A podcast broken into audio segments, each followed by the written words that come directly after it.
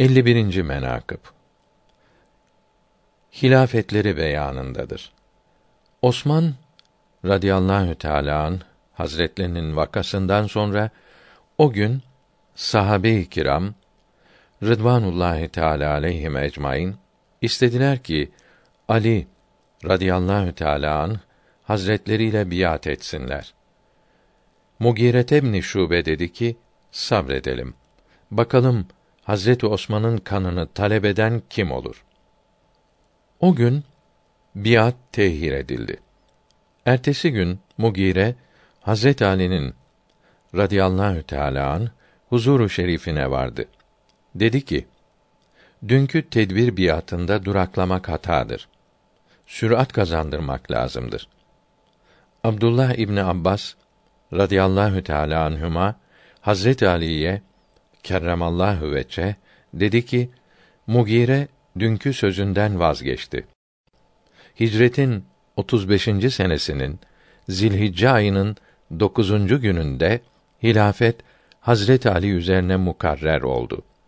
Ona biat edildi.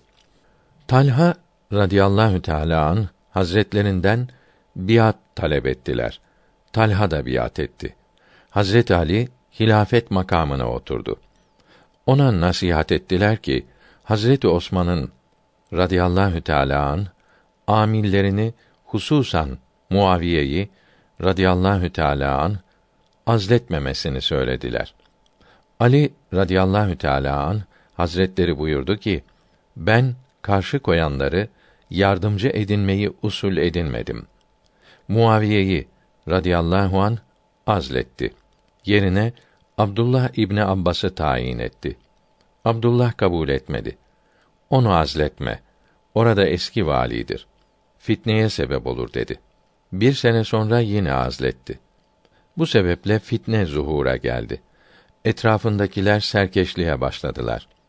Muaviye ve Amr İbni As radıyallahu teâlâ anhüm ve sairleri Hazret Osman'ın kanını talep ettiler.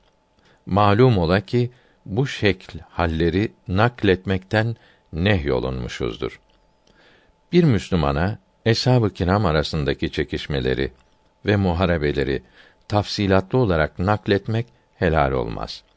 Sahabe-i güzin zikrolunduğu mahalde Müslüman olana lazım olan Rıdvanullahi Teala aleyhim ecmaîn demektir. Sair emirlerini Allahü Tebareke ve Teala Hazretlerine tevfiz etmektir.